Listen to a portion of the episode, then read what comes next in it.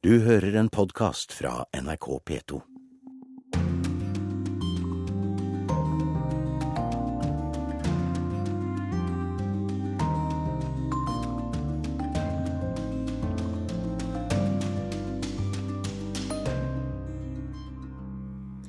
Sivile er skyteskive i kampen om Mosul. Det strammer seg til for de som prøver å flykte.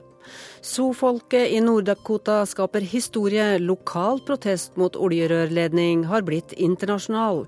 Det norske Sametinget er med.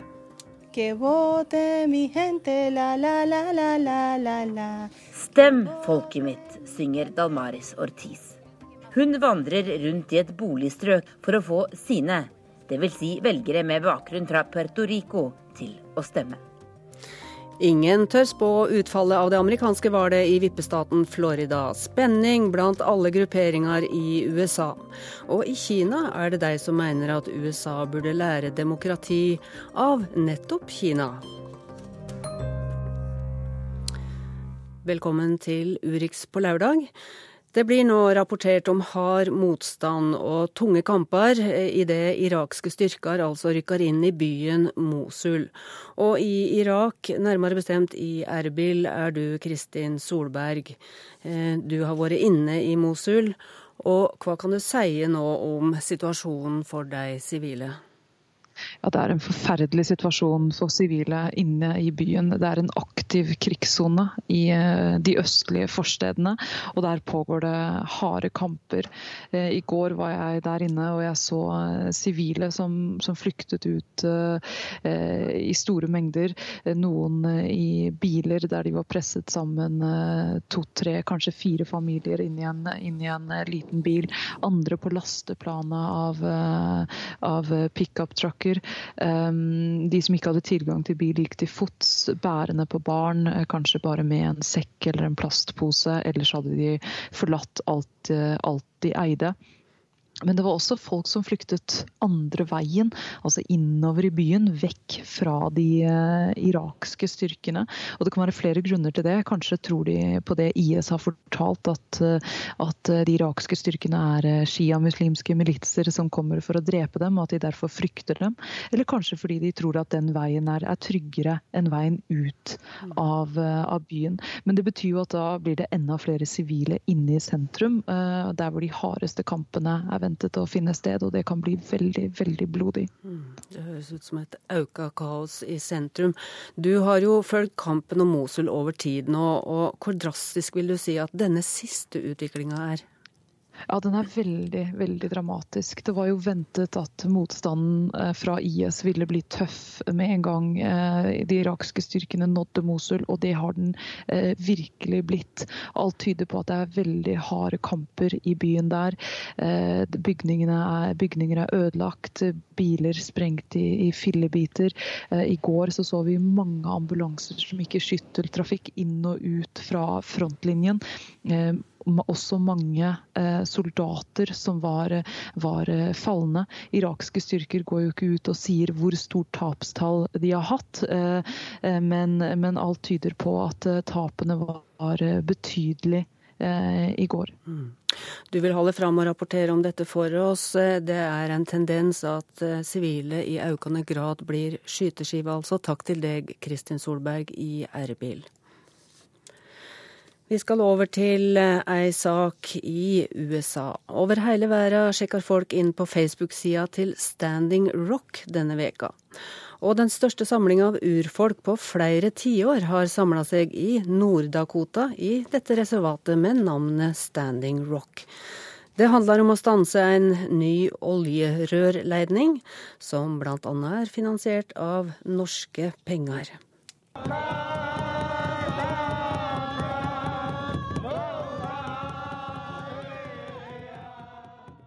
De synger og ber om at åndene må være med dem. Rundt en stor tromme står urinnvånere, indianere fra ulike stammer. De er godt kledd i det kalde høstværet i Nord-Dakota. En av dem skiller seg ut. Han er høvding for Sioux-stammen. Looking Horse er høyreist med en fantastisk fjærpryd på hodet, slik folk flest forbinder med indianere fra gammelt av. Skinnklærne har frynser og perler, og blikket er fast. Now today and we prayed. Our, we start the day with our prayer, and that's the way this, uh, we want this uh, camp going, the spiritual uh, prayer, prayer, uh, to prayer. Vi vil at denne leiren skal være et spirituelt sted for bønn, sier høvding Looking Horse. Siden april har flere tusen urinnvånere fra hele verden og representanter fra over 300 stammer strømmet til protestleiren som har fått navnet Standing Rock, etter Sioux-stammens reservat med samme navn. De protesterer mot at en oljeledning verdt 3,8 milliarder dollar skal graves ned under Missouri-elven, den største elven i Nord-Amerika. Hellige gravplasser vil bli ødelagt under utgravingen, og om oljeledningen går lekk, vil elven forurenses for ti millioner mennesker som bor langs den, frykter demonstrantene.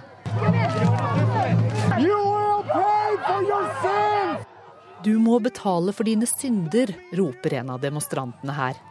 Deres bønner og rop er blitt møtt med militært utstyrt politi, med pansrede kjøretøy, våpen, lydkanoner, hunder og tåregass. Hundrevis av demonstranter er arrestert for å hindre byggingen av rørledningen. Også journalister som har dekket saken, er blitt arrestert. Men det har ikke stoppet videoer og bilder av de voldsomme angrepene på demonstrantene til å spre seg som ild i tørt gress på sosiale medier. Og nå vil aktivister over hele verden bidra. Denne uken har over 1,4 millioner personer sjekket seg inn på Standing Rock via Facebook for å si vi støtter deres kamp. Høvding Looking Horse tror de nå har åndene med seg. We know that uh, the Spirit is here with us. We know that the Buffalo Tratrankoyati is here with us. And, uh, and uh, we have a lot of people, not only around here, but all over the world praying with us right now. Because water is life. Vann er liv, sier høvdingen, noe også folk her i Norge har forstått. For norske penger er med å finansiere oljeledningen, eller The Black Snake som den også kalles. DNB har gitt et lån på 2,8 milliarder norske kroner. Og oljefondet har investert 10,3 milliarder i aksjer og rentepapirer i fem selskaper som er bak prosjektet. Dette reagerer både politikere, miljøorganisasjoner og urfolk her til lands på. De vil at oljefondet skal trekke seg ut. Og Naturvernforbundet har startet en underskriftskampanje for å få DNB til å trekke seg. Der nærmer det seg 4000 underskrifter. Så spørs det om åndene vil lytte til urfolkets trommer eller storkapitalen. Og reporter her var Anja Strønen. Aili Keskitalo, sametingspresident, velkommen i studio. Tusen takk for det. Eh, Sametinget har jo klaga både til DNB og Etikkrådet for oljefond, oljefondet. Hva slags svar eh, har de fått? Foreløpig har vi jo fått svar at eh, man forutsetter eh, at de prosjektene er i tråd med menneskerettigheter og urfolksrettigheter. Og det syns vi rett og slett er for svakt. Og for passivt fra både DNB og fra Norges Bank. Mm. Sånn at vi vil følge de sakene opp videre. Blant annet så har vi tatt kontakt med Finansdepartementet denne uka. Og bedt dem se nærmere på om den forskriften som mm. regulerer Statens pensjonsfonds utland sine investeringer i, i, i dette prosjektet, om de, dem bør skjerpes, rett og slett. Sånn at det helt tydelig går fram at urfolks rettigheter skal respekteres. Mm.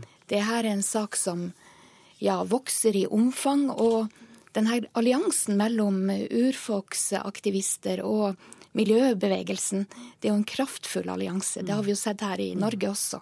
Hvorfor er, så, ja, hvorfor er denne saka så viktig?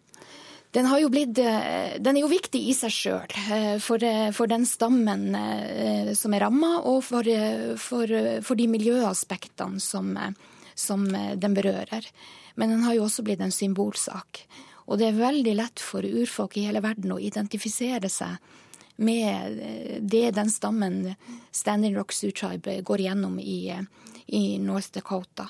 Fordi at vi også opplever at storindustrien, at store naturinngrep er både forstyrrende og noen ganger direkte ødeleggende for den måten vi lever på. Vi har jo her i Norge vært veldig opptatt av Parisavtalen, som jo ble feira i går. I går eh, ble den iverksett. Eh, hva tenker du om dette eh, utbyggingsprosjektet og det norske engasjementet? Om en skal kalle investering det, sett i lys av Parisavtalen? Jeg syns jo det er utrolig dobbelt moral som ligger bak det. På den ene sida så sier vi at vi vil Eh, vi vil skjerme miljøet, vi vil eh, hindre at klimaet eh, løper løpsk, rett og slett. Og på den andre sida så fortsetter vi både med vår egen olje- og gassproduksjon og ønsker å øke takten på det ennå.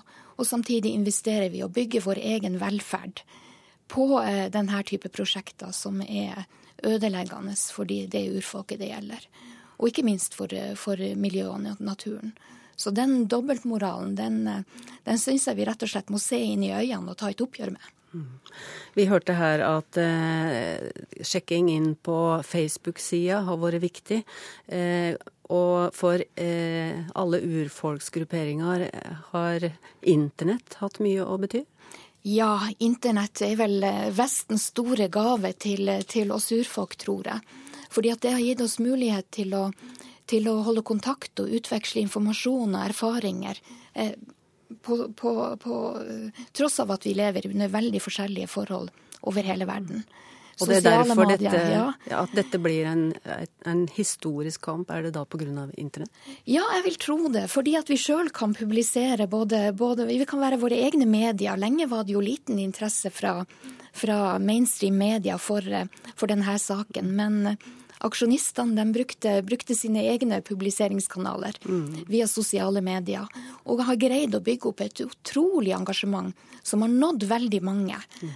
Sånn at det er nesten, det er nesten en, en nyhet i seg sjøl hvordan de har lykkes med det. Vi får si takk til deg her nå, Aili Keskitalo. Og vi skal passe på å si at Urix har vært i kontakt med Etikkrådet, som altså ikke gir kommentar til enkeltsaker, og DNB sier at de vil undersøke saka. Eh, og altså forholde seg til FNs resolusjoner om urfolks retter. Takk til deg.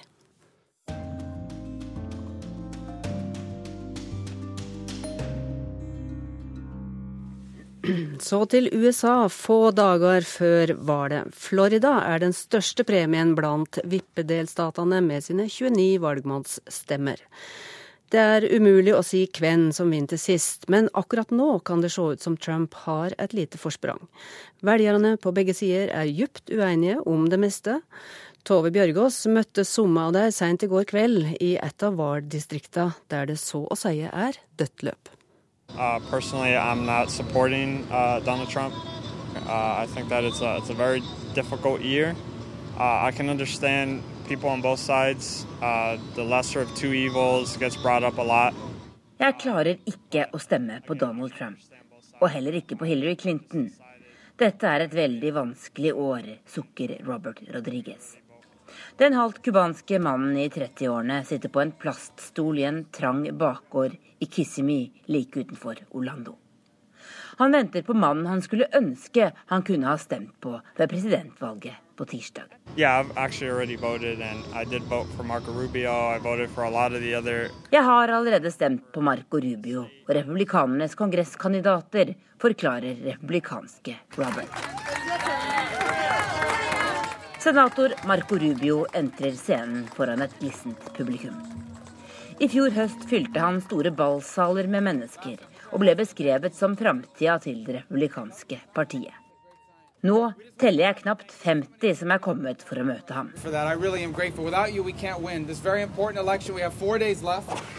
Mange republikanere her støtter ikke Rubios beslutning om faktisk å stemme på Donald Trump mannen som mobbet ham i hele nominasjonskampen og kalte ham Lille Marco.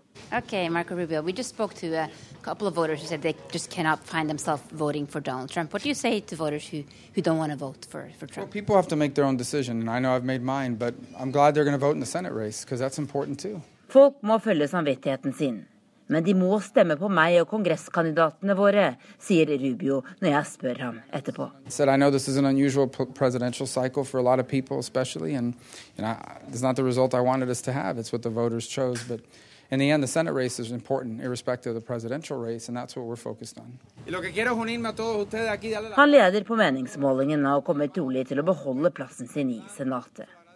Men mye er så annerledes ved dette valget at ingen tør spå om utfallet. Marta Lajas, som er fra Puerto Rico, vil stemme på Trump også. I love him. I wish he wins. I find a lot of my friends also voting for Trump and Rubio both, and so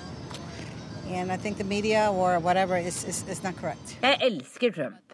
Mange av mine venninner med latinamerikansk bakgrunn vil stemme på ham. Jeg tror mediene tar feil, og at målingene ikke stemmer. Jeg tror folk vil få seg en overraskelse onsdag morgen, sier hun. Stem, folket mitt, synger Dalmaris Ortiz. Hun vandrer rundt i et boligstrøk ikke langt unna for å få sine, dvs. Si velgere med bakgrunn fra Puerto Rico, til å stemme. Puertoricanere er den nest største latinamerikanske befolkningsgruppa her i Florida. Etter dem med cubanske aner. Eh, muchas personas antes no hacían el voto, pero ellos entienden que estas elecciones son sumamente importantes y creo que todos los latinos van a salir a, a votar. Jeg tror mange av våre som ikke har stemt før, kommer til å gjøre det denne gangen, sier Dalmaris, som arbeider for initiativet Vota mi gente. Buenas tardes con el señor Antonio y Ángel. Muy buenas tardes, caballero. Mi nombre es Dalmaris Ortiz. Bak en av dørene hun banker på, treffer vi Angel Bermudes og Antonio Munoz. We some voting, definitely. Because we, de- well, I definitely don't want Trump to win. win. Why not? I don't feel he's a good candidate. Because he, to me, he's a hypocrite. Jeg stemmer slett ikke alltid, men i år er det veldig viktig, sier Antonio. Han vil stoppe Donald Trump. Den økonomiske krisen i Puerto Rico har fått mange derfra til å strømme til Florida de siste par årene. De er amerikanske statsborgere og har automatisk stemmerett. Nå blir de kalt demokratenes hemmelige våpen her i Florida. You know, with the with the things that's going on in Puerto Rico, with the with the crisis, the financial crisis over there, I think he's not gonna help as Hillary would. That's why I stand on that. So that's just why I'm voting for Hillary.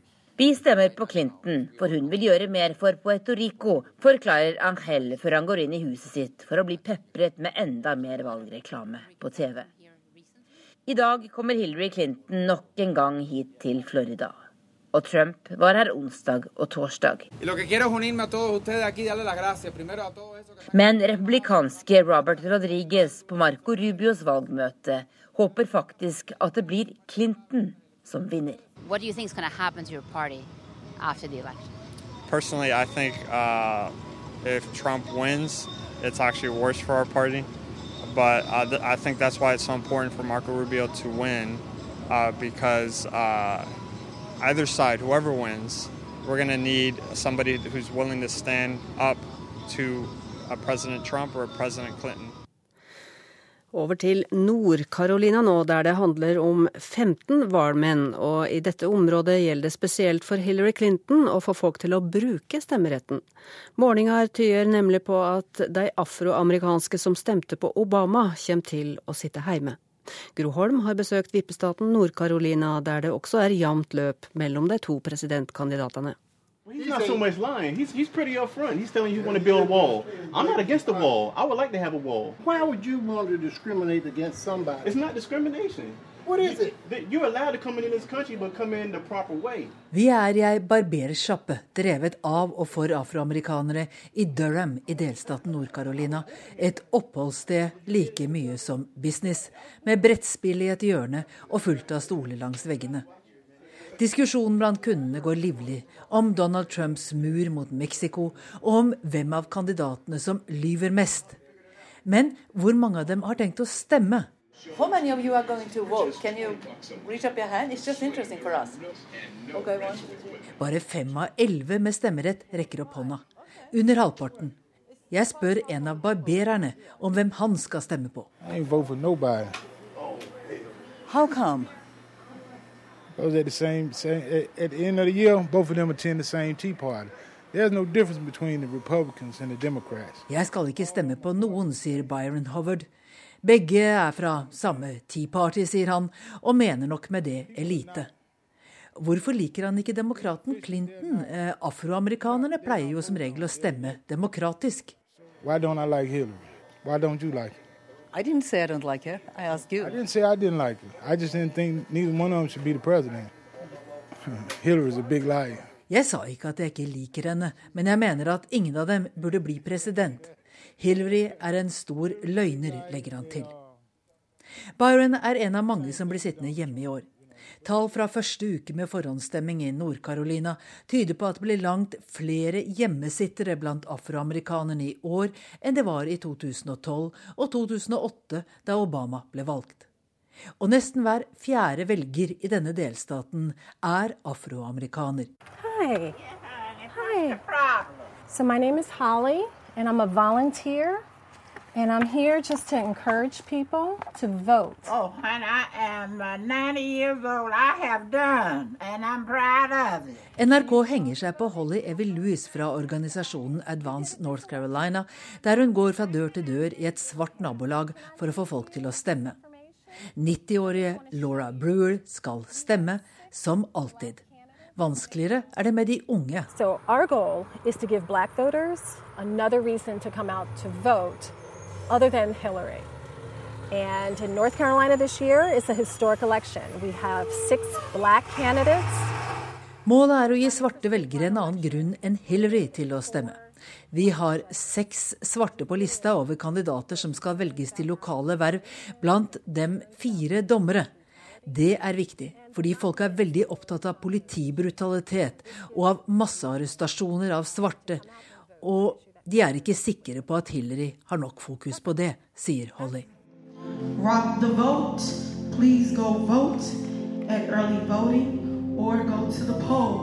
Det er søndag, og vi er i en svart metodistkirke i Greensboro, Nord-Carolina. Kirkegjengerne får beskjed om å gå og stemme. Et banner med 'Souls to the Polls', sjeler til valgurnene, vises fram foran prekestolen. Souls to the Polls har vokst til en bevegelse som opererer i alle stater, med en betydelig del av afroamerikanere. Og sist helg var eneste søndag med mulighet for forhåndsstemming.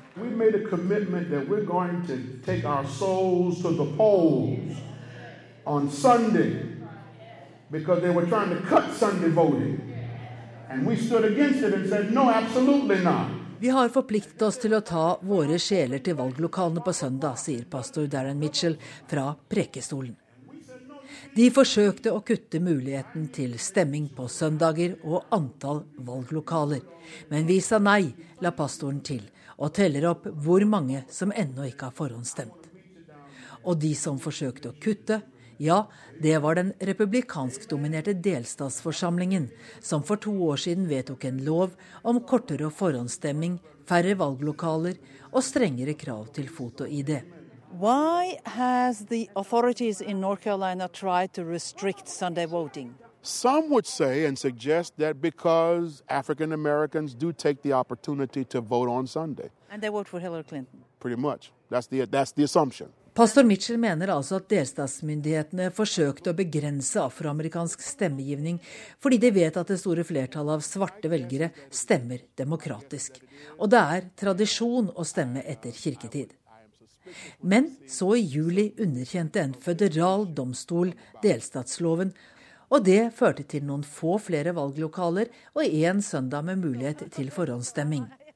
Så pastor Mitchell dro rett til valglokalet med dem som ennå ikke hadde stemt.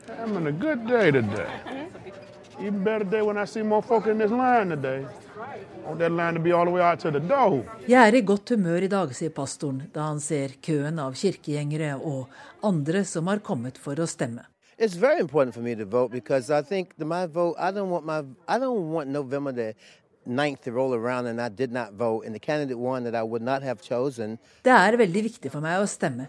Jeg vil ikke se den 9. november komme uten at jeg har stemt, og med den gale vinneren, sier Seddy Twine. Men han vil ikke røpe hvem han stemte på. I flere uker ledet Hillary Clinton på målingene i Nord-Carolina. Nå er det opplagt at hun ikke kan ta delstaten for gitt, selv ikke med hjelp fra superpopulære Michelle Obama. Get out and vote. Get out and vote for Hillary. Vote early. Vote right now. Leave here. Go vote.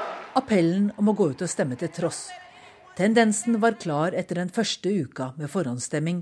Rundt 8% færre afroamerikanere stemte i Nord-Carolina sammenlignet med 2012. Skyldes det færre valglokaler i afroamerikanske områder, eller mindre entusiasme for Clinton enn for Barack Obama? Trolig begge deler. Og hvilken effekt har fotsoldatene i Souls to the Polls og dør-til-dør-aksjonene? Det vet vi ikke ennå. Dessuten, den andre delen i ligningen er velgermobiliseringen blant republikanerne. Og allerede nå er det klart at flere republikanere enn i 2012 forhåndsstemte tidlig i Nord-Carolina. I kveld stenger den muligheten. Men først natt til onsdag får vi fasiten. Nå til et ømtålig tema i den amerikanske valgkampen. Så langt i år har amerikansk politi skutt og drept mer enn ett menneske hver eneste dag, og mange har mista tilliten til det amerikanske politiet. Hendelsene har tråder tilbake til det som skjedde for flere tiår siden, og i Chicago har rasismen mot svarte lange røtter. Christian Aanesen har møtt ett av ofra. This is the most sadistic one out of Peter Dignit. He's the one that put the shotgun uh, to my mouth uh, here at the torture site. This is me in the middle. That's Detective Grunhage on one side of me, and that's John Burns, him. He's an alcoholic and he's a dummy. Daryl Kennan står på kontoret til People's Law Office i Chicago og peker på strektegningene han laget noen dager etter at de tre politimennene fra Chicago-politiet banket han opp for 33 år siden. 24 av dem har han sittet fengslet.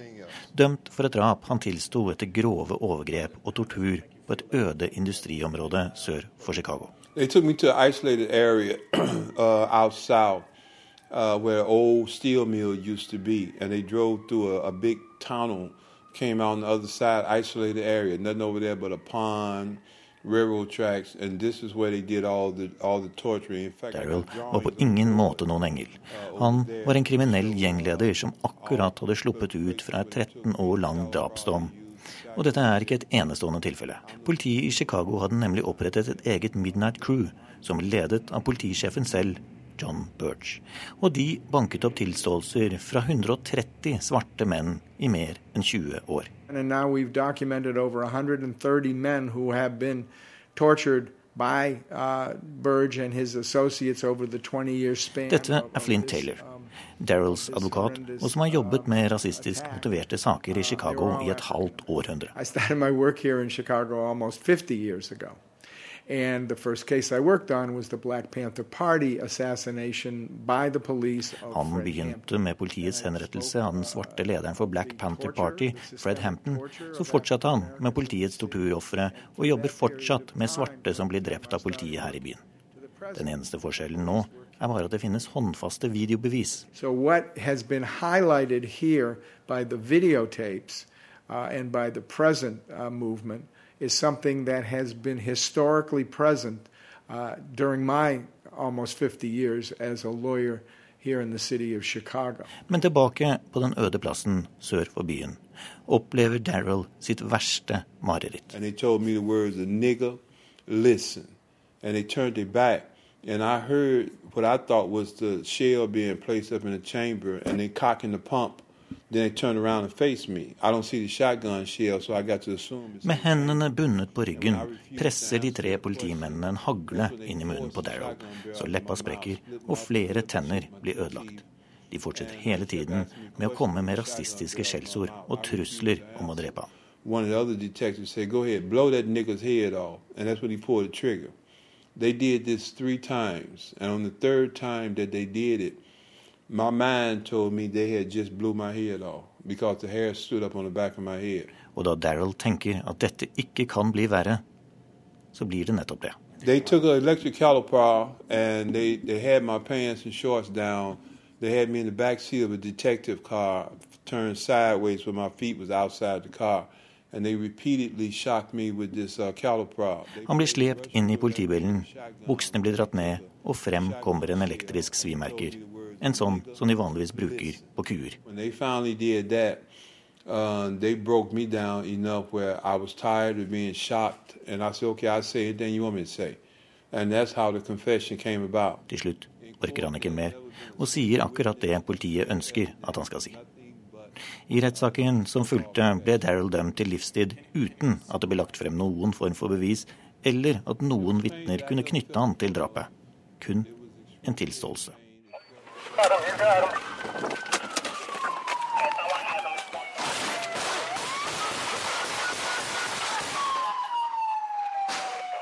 Enda en video av en svart mann som blir skutt av politiet i Chicago. Denne gangen fra august i år. Og nå var det en biltyv som forsøkte å komme seg unna. Men mer enn to tiår etter avsløringene om Midnight Crew preges fortsatt politiet i Chicago av rasisme, og det er en dyp mistillit til de som skal håndheve loven. Kofi Ademola jobber for Black Lives Matters i Chicago, og han har ingen tillit til politiet i byen. For det er ikke bare de mange drapene som frustrerer fargede mennesker i denne byen. Det er også alle de hindrene de møter i dagliglivet.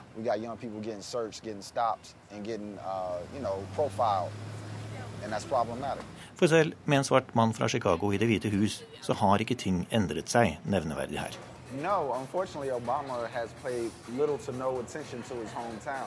Og tall fra FBI viser at det er 21 ganger mer sannsynlig at du blir skutt av politiet hvis du er en svart tenåring, enn hvis du er hvit. Og i Chicago har de hatt flere tilfeller de siste årene. Og mer politi er ikke løsningen med Lademola.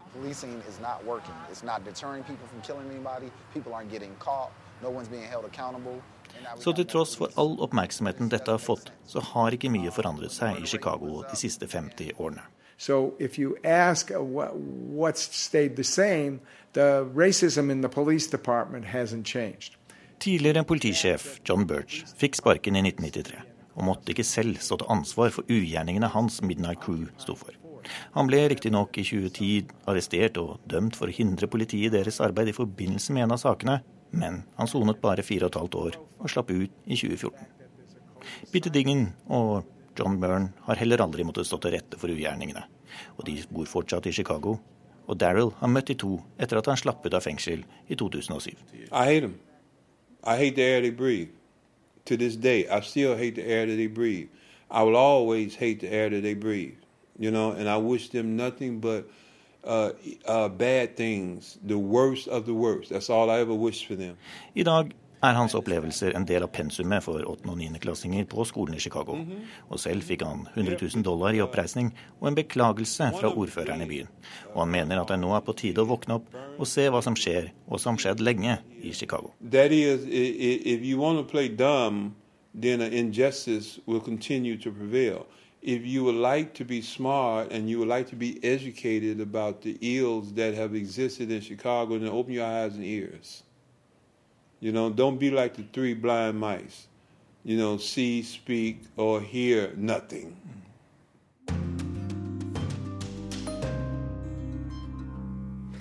Du lytter til Urix på lørdag. Klokka har passert halv tolv. Her i studio Sigrun Slapgard. Sivile er skyteskive i kampen om Mosul. Det strammer seg til for de som prøver å flykte, har vi hørt om tidligere i sendinga. Og etter, etter hvert får du høre at nervene i Beijing er i spenn før USA-valget på tirsdag, ikke minst fordi Trump har varsla handelskrig og straffetoll på kinesiske varer. Men enkelte kinesiske analytikere frykter òg Hillary Clinton. Ja, vi har hørt mye om hvor splitta USA er før presidentvalget på tirsdag, og det er ingen tvil. Det har vært en valgkamp med sterke utfall og krasse replikkvekslinger. Velgerne er splitta i synet på veien videre, og de to kandidatene er de mest upopulære noensinne. Men for å bringe aldri så lite balanse i denne fortellinga, vil Joar Hoel Larsen nå nyansere bildet litt.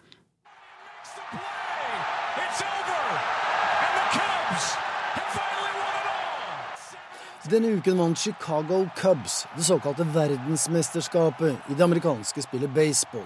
På overtid i den avgjørende kampen gikk Cubs opp til 8-7, og en ventetid på 108 år var over. Forbannelsen var brutt. Spillerne gråt, publikum omfavnet hverandre, fansen jublet og supporterne danset. De var lykkelige. Ingen brydde seg om hvor splittet de egentlig er politisk. De var Cubs-fans først og fremst, og hadde vunnet sammen.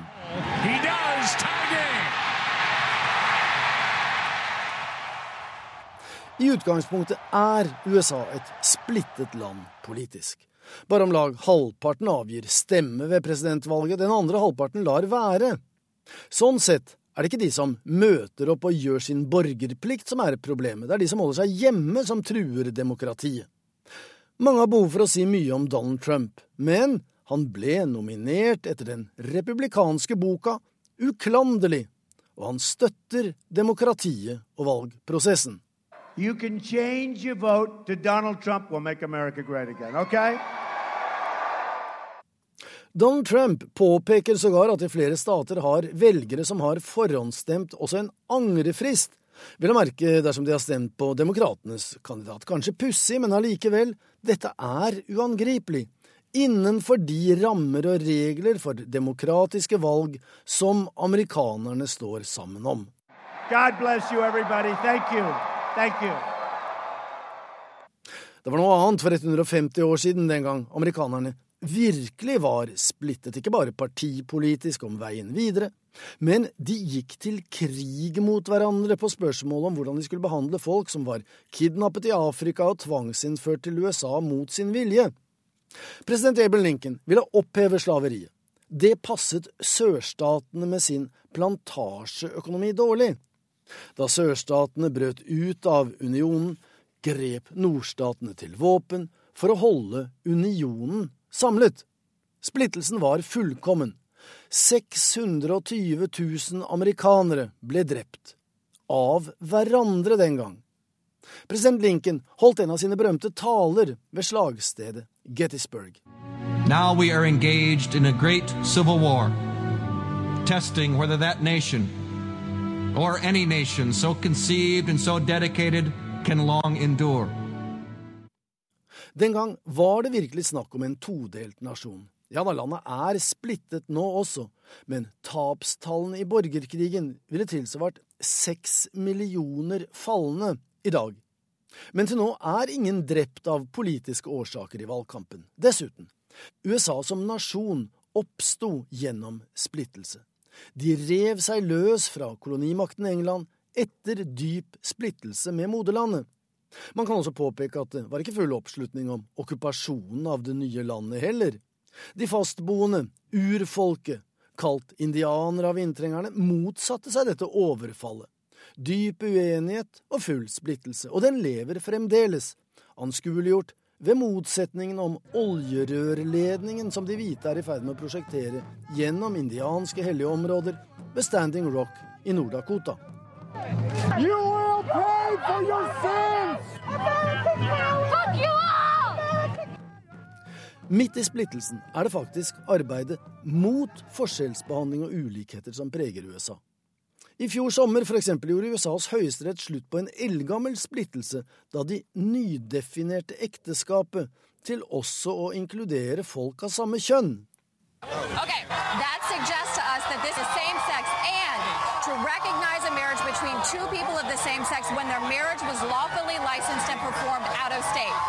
to us.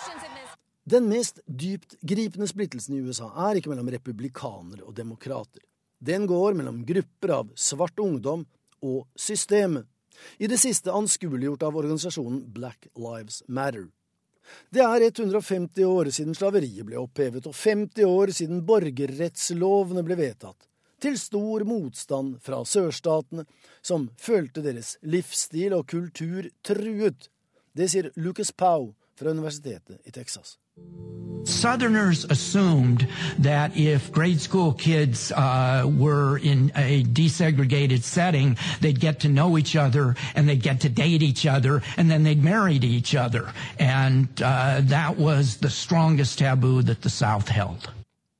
Den politiske splittelsen i USA skal ikke undervurderes. Men på søndager går amerikanerne i kirken, og i morgen vil de sitte ved siden av hverandre og høre Guds ord. Det er ikke adskilte seksjoner for å skille Trump-tilhengere fra Clinton-velgere.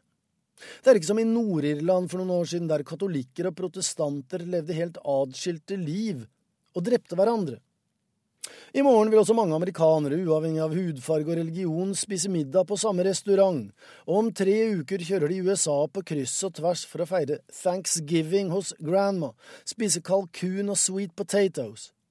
Ja, det finnes store forskjeller, men bare for å ha sagt det, likhetene er der.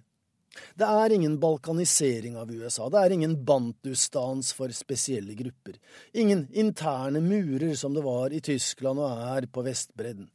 Ingen væpnede frigjøringsbevegelser, ingen leire for internt fordrevne.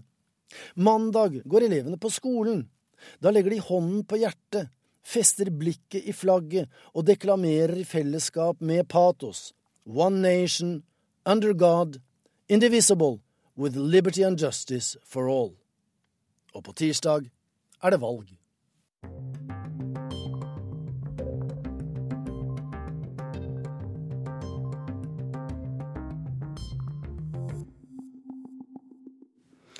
I Beijing er også nervene i spenn før USA-valget, og ikke minst fordi Trump har varsla handelskrig og straffetoll på kinesiske varer, som nevnt. Og så er det også slik at enkelte kinesiske analytikere, eh, frykter at Hillary Clinton kan bli ei enda større prøve for forholdet mellom stormaktene i øst og vest. Vår korrespondent i Beijing, Peter Svaar, har levert denne rapporten.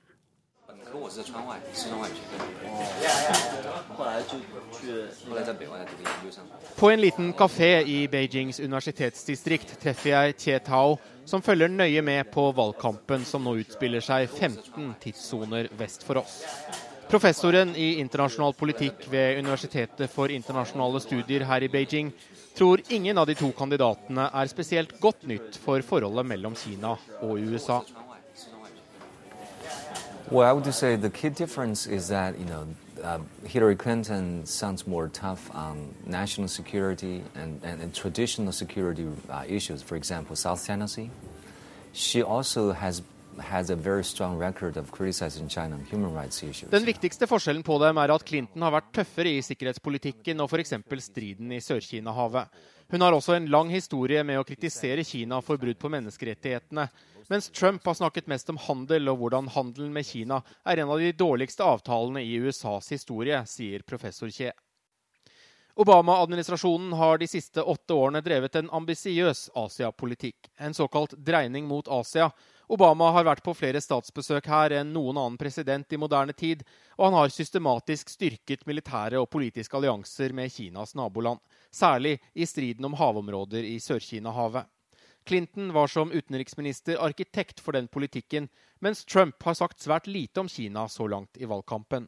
No, if you go back to the three presidential debates, I don't recall that he had any like two or three sentences about South China Sea. So that's why I suspect that he does not really have strong preferences. I de tre TV-debattene husker jeg ikke at Trump nevnte Sør-Kina-havet med ett ord, så jeg tror Trump ikke har så sterke meninger om det emnet, og ikke helt vet hva han vil. So from our point of view, I would say we care more about candidates' position on South China Sea, and that's also viewed as part of the. For Kina er Sør-Kina-havet og sikkerhetspolitikken viktigst, og om denne politikken med en dreining mot Asia skal fortsette. Det er viktigere for oss enn trusler om handelskrig, som Trump også har truet med 45% straffetoll på kinesiske varer for å hente arbeidsplassene hjem til USA. I would say mostly empty talk. Maybe you would see some more anti-dumping investigations against Chinese companies. Det er bare tomsnakk, mener professor Kietau. Kanskje blir det noen høringer i Verdens handelsorganisasjon, men der er jo både USA og Kina medlemmer, så ingen av oss kan bestemme utfallet. Og han får aldri med seg Kongressen på å trekke USA ut av internasjonale handelsavtaler, så på den måten er jeg ikke noe redd for Trump. Andre her er ikke så optimistiske. Rich Dunham har 20 år bak seg som politisk reporter i Washington, men er nå gjesteforeleser ved Tsinghua-universitetet her i Beijing. A lot of things are said on a presidential campaign trail uh, that candidates don't mean to enact. Det er mye kandidatene sier under valgkampen som de aldri har tenkt å følge opp. Men den eneste måten å vurdere Trump på er faktisk å lytte til hva han sier, siden han ikke kan vurderes ut fra det han har gjort som politiker tidligere. Retorikken hans har vært svært fiendtlig mot både Kina, Japan og Sør-Korea. Og jeg tror at Trump som president vil teste grensene for presidentens makt ved å forsøke å gå ut av handelsavtaler eller anklage Kina for valutamanipulasjon, sier Dunham. Han tror også det kan være destabiliserende dersom Trump gjør alvor av truslene om å la Japan og Sør-Korea betale mer for eget forsvar og kanskje skaffe egne atomvåpen. Tilbake på kafeen sitter også 19 år gamle Zhao Ximing, som studerer engelsk. Well, uh, distinctive feature of Trump is the unpredictability. You know, he's an unpredictable person. He says a lot of det største usikkerhetsmomentet med Trump er at han er så uforutsigbar. Han sier masse ting som ikke passer seg for en presidentkandidat. Så for meg som vanlig kineser liker jeg ikke det. Kanskje Clinton vil være tøffere i utenrikspolitikken mot Kina, men en uforutsigbar president er enda verre, mener Zhao. Her i Kina blir den skitneste amerikanske valgkampen i manns minne også sett på med forundring. Og bli ikke overrasket om Kina bruker denne valgkampen som argument for det kinesiske kommuniststyret. Hør bare på professor Xie Tao. US just being one case, but it's the most prominent case. You know, it's, it's claiming itself as the leader of the free world. But in addition to the United States, you look at the problems in Europe, you know, in Germany and in uh, Britain and in Italy and other places, you know, there's this, uh, I wouldn't say the crisis of Western democracy, but at least there are so many challenges for Western democracy. And so you have to think about, you know, how to reform your system, how to reinvigorate electoral system. And so that, you know, democracy will become more appealing to people outside of Europe, outside the United States. You know. And that's, I think, the biggest lesson from this election. Ja, en leksjon fra Beijing der, og vi skal halve oss i Kina, for ukas brev er også postlagt i Beijing, signert Peter Svaar. Kinas middelklasse reiser som aldri før og får stadig mer penger mellom hendene, men én ting kan ikke kjøpes for penger. Jeg har eh, hardnet til nå, godt inne i mitt tredje år i Kina. Idet flyhjulene treffer bakken her med et lite dunk, vet jeg nå hva som er i vente. Kakofonien av setebelter som åpnes, begynner allerede mens flyet takser på rullebanen. Og gjerne før vi er fremme ved gaten, har det gamle ekteparet der fremme med ekstra dårlig tid allerede vært oppe i hattehyllene for å plukke ned åtte koll bagasje, pappesker og plastposer og et par store trillekofferter som de stabler i en stor haug i midtgangen. Når 160 kinesere skal ut av et fly samtidig, har strenge flyvertinnestemmer lite å stille opp med mot den kampen på liv og død som utspiller seg.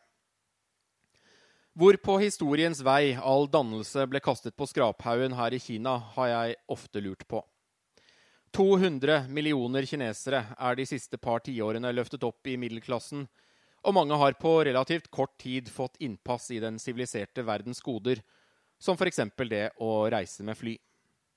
Det er selvfølgelig flott, men innebærer også at det fremdeles er en nokså høy andel førstegangsreisende. En flypassasjer i Chengdu her for litt siden mente at luften i kabinen var klam og tett, så han dro like godt i det store, røde håndtaket ved siden av seg. Nødutgangen over vingen vippet opp, og snart satt han der i setet sitt og tittet ut. Døren er jo ikke viktig, var hans mutte svar da flyvertinnene kom løpende. Han kunne rett og slett ikke forstå hva som nå var problemet. En kvinne som ble lei av å stå i toalettkø om bord i et annet kinesisk innenriksfly, ble til slutt så utålmodig her for noen uker siden at hun begynte å utforske døra på den andre siden av midtgangen. Den hvesende lyden som fulgte, var en stor nødsklie som blåste seg opp. Heldigvis sto flyet fortsatt på bakken, men ble mange timer forsinket. En tredje som forårsaket en timelang forsinkelse på kinesisk innenriks her i høst, skulle rett og slett bare røyke litt. Han syntes den beste løsningen var å åpne flydøren. Det er kanskje urettferdig å trekke fram et par slike enkelthendelser, men det har faktisk skjedd ganske ofte. 15 ganger i første halvdel av fjoråret har kinesiske flypassasjerer åpnet nødutgangene, ifølge Kinas sivile luftfartsmyndigheter. Og siden har problemet økt i omfang. Det er så alvorlig at myndighetene her nå strammer inn sikkerhetsreglene for hvem som får lov til å sitte ved nødutgang.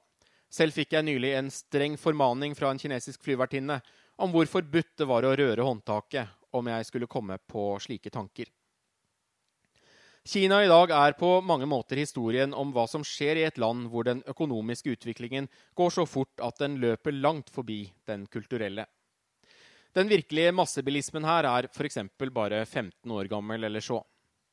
Etter flere år i Beijings ekstremt aggressive, stampende trafikk, der ingen centimeter stor lomme blir stående ubrukt, er minner om køfletting ved Hønefoss på vei ned fra påskefjellet bare et stadig vagere minne fra et slags parallelt univers.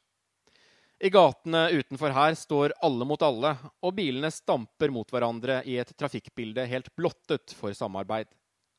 Alle som har brukt en ettermiddag i Beijing-trafikken, tror jeg vil være enig i at det er en utbredt misforståelse at kineserne er et spesielt kollektivt folkeslag.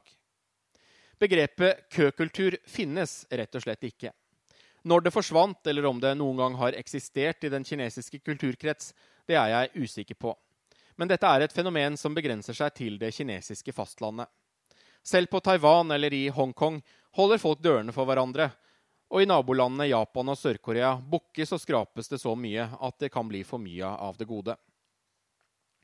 En del av forklaringen er naturligvis de millioner av ekstremt raske klassereiser flere hundre millioner kinesere har vært igjennom.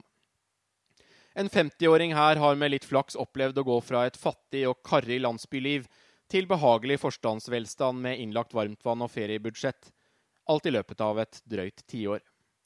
Og så skjerper det selvsagt overlevelsesinstinktet å ha bortpå 1,4 milliarder landsmenn.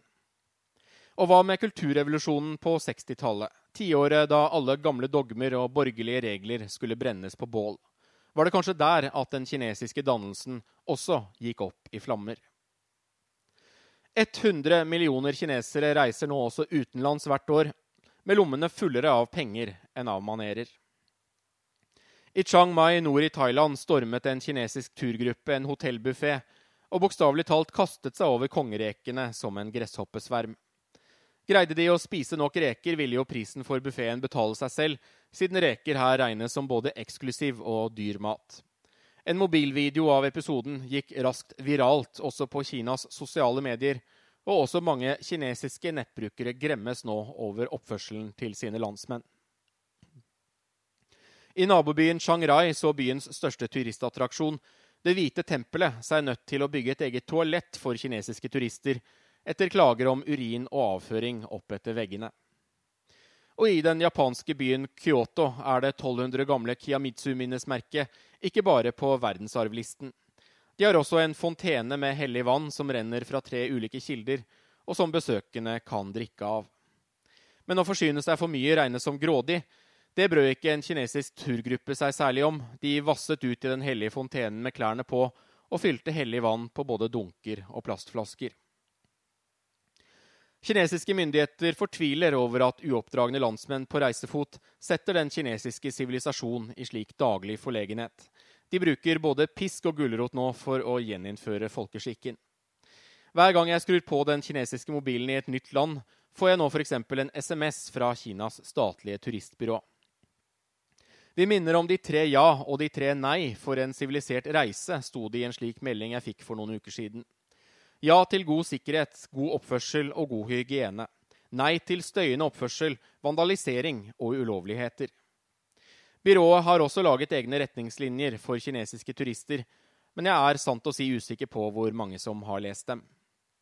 Ikke nys i andre menneskers ansikter, vis respekt for servitører, ikke brett T-skjorten oppover magen på offentlig sted, ikke tråkk på gresset, ikke gambling eller prostituerte, ikke spytt og ikke snik i køer, er på den lange listen av det statlige kinesiske byråets formaninger, som etter mitt syn godt kunne blitt markedsført noe bedre.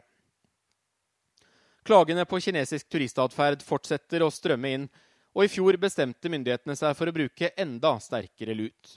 En statlig svarteliste for kinesiske turister som rett og slett ikke vil eller kan oppføre seg. Blant de første oppføringene for ett år siden var de to som kastet varmt vann på flyvertinnene om bord i et fly fra Nanjing. Og 18 år gamle Li Wenchun, som hadde begått en forbrytelse å klatre på statuen av en rødegardist i byen Yanan. Endestasjonen for den lange marsjen, som fortsatt i dag står sentralt i kommunistpartiets mytologi her. 18-åringens mål var for øvrig å ta en selfie. Men ellers har bruken av svartelisten ikke vært spesielt konsekvent. Bare 26 navn står oppført til nå. Og blant 100 millioner reisende i året, eller 1,3 milliarder kinesere, blir jo ikke det noe stort tall, akkurat.